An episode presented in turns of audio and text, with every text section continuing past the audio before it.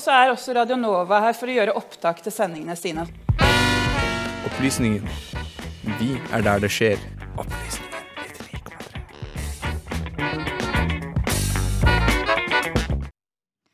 Floridas guvernør Ron DeSantis annonserte onsdag 24. mai at han ønsket å stille til valg eh, som president av USA. DeSantis eh, han er kjent for flere ting, bl.a. å undertegne flere kontroversielle lovforslag. Nå nyligst har han undertegnet en som sikter seg inn på de papirløse migrantene som befinner seg i staten. Jeg har tatt et dypdykk inn i akkurat dette. Det er nok mange som har hørt om den amerikanske drømmen. Reise til USA for å oppleve muligheten for framgang og suksess. En mulighet til å klatre oppover i samfunnet og bedre utgangspunktet for familien og barna dine. Hvert år kommer det mennesker fra hele kloden for å oppnå denne drømmen. Noen er mer desperat enn andre. Mange av de som kommer til USA, er mennesker som forsøker å komme seg bort fra fattigdom, vold og svært begrensede framtidsutsikter. Det er ikke alle av disse menneskene som har verken tid eller penger til å migrere inn i USA på den lovlige måten. Å bli en amerikansk statsborger kan koste deg opp mot 130 000 norske kroner, ifølge den amerikanske økonomibloggen Dowroller. Det er derfor mange som ender opp som papirløse innvandrere. Men det er ikke alle som er fornøyd med disse papirløse innvandrerne. En av disse menneskene er guvernøren i Florida, Ron DeSantis. DeSantis er en hardbarket republikaner som har sittet ved makten siden 2018. DeSantis er kjent for bl.a. å ha signert lovverk som Don't Say Gay-loven, som forbyr diskusjon om kjønn og seksualitet i barnehager og klasserom. Loven som gjør det ulovlig å gjennomføre abort etter seks uker, med visse unntak for incest og voldtekt. Og havnet senest i konflikt med den verdenskjente bedriften Disney. Siste nytt fra Florida forteller om enda et kontroversielt lovforslag som er blitt skrevet under på. Det er et sammensatt lovverk som spesifikt peker seg inn på de papirløse innvandrerne i staten. Tall fra American Immigration Council viser at i 2016 var det rundt 775 000 papirløse innvandrere i Florida. Dette utgjorde omtrent 18% av innvandrerbefolkningen og 4% av den totale statlige befolkningen. So uh, Florida law is that you have to be here legally to be able to be employed. That's been the law for forever.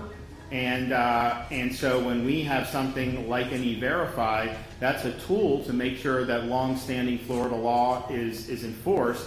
And I think that that's important. You, you can't build a strong economy based on illegality. Um, Lovverket som ble skrevet under på, sikter seg inn på flere områder men jeg skal i denne omgang forklare de tre mest omdiskuterte delene. 1. Det vil være nødvendig for flere sykehus å spørre om migrasjonsstatusen til sine pasienter før de får behandling. De vil òg være nødt til å rapportere disse funnene inn hvert kvartal.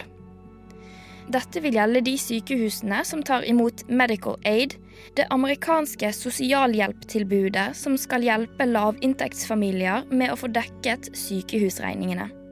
Når immigranter, som ofte er latinamerikanske mennesker, kommer til sykehusene, blir de stilt spørsmål om deres migrasjonsstatus. De kan velge å svare ingen kommentar, men denne delen av den amerikanske populasjonen er allerede skeptiske for å søke medisinsk hjelp.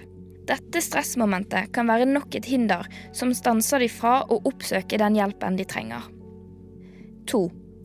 Det vil ikke være mulig for papirløse migranter å bruke førerkort de har mottatt i andre amerikanske stater enn i Florida.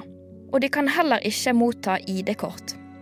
Om de ikke har ID-kort fra Florida og har et førerkort fra en annen stat, har politiet myndighet til å anse det som om de ikke har førerkort i det hele tatt.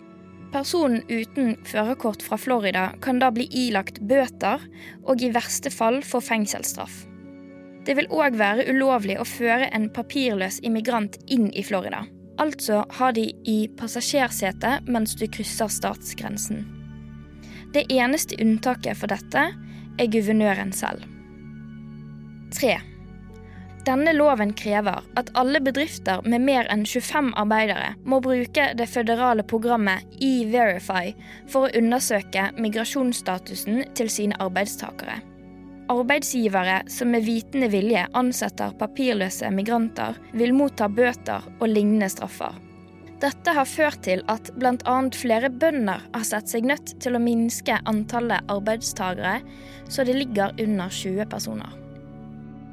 Som tidligere nevnt er rundt 4% av befolkningen i Florida papirløse immigranter. Disse menneskene er òg en viktig del av arbeidsstyrken, og tar ofte jobber som amerikanere selv ikke ønsker å gjøre. Ofte innenfor konstruksjon, jordbruk og avfallshåndtering. Papirløse innvandrere betaler 4 milliarder dollar i skatt hvert eneste år. De er altså en sentral del i økonomien av Florida. Flere av innvandrerbefolkningen i Florida sier at de nå føler seg utrygge, og flere forteller at de er redde for å gå på jobb. Florida har de siste dagene sett lange kolonner med biler og trailere på vei ut av staten, videre til nye arbeidsmarked andre steder i USA. Dette har videre ført til at arbeidsplasser er forlatt, at frukt og grønt ikke blir høstet inn, og at butikkhyller står tomme.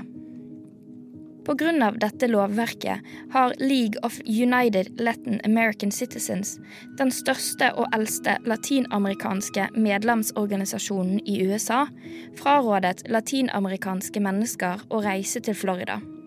Det er òg flere i det latinamerikanske miljøet som ønsker en total boikott av Florida. In other videos on social media, truck drivers are calling for boycotts of Florida over its new anti immigrant law. I don't know about you guys, but my truck will not be going to Florida at all.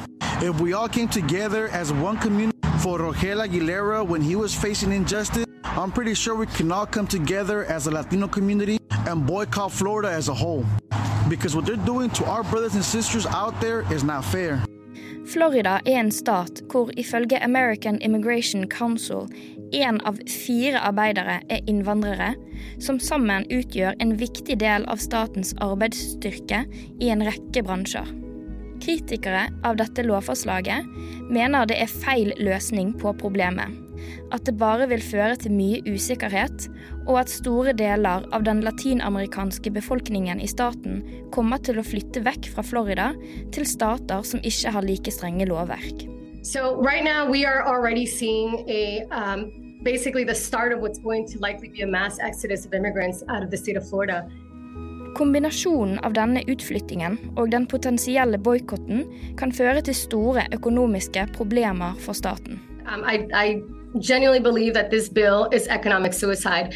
Um, SB 1718 is a sucker punch to Florida's future, its businesses, families, immigrant communities, and their loved ones. It's going to reduce road uh, safety and it's going to keep people away from the hospitals. Men det som kanskje er mest kontroversielt med dette lovforslaget, er at det i det hele tatt blir godkjent. I det amerikanske rettssystemet er det nemlig sånn at bare Kongressen har lov til å vedta lovgivning som berører immigrasjonspolitikk. Det er derfor flere som er usikre på hvor lovlig dette faktisk er. Um, overreach that he is, you know, doing through immigration. He's trying to enact immigration laws through state law.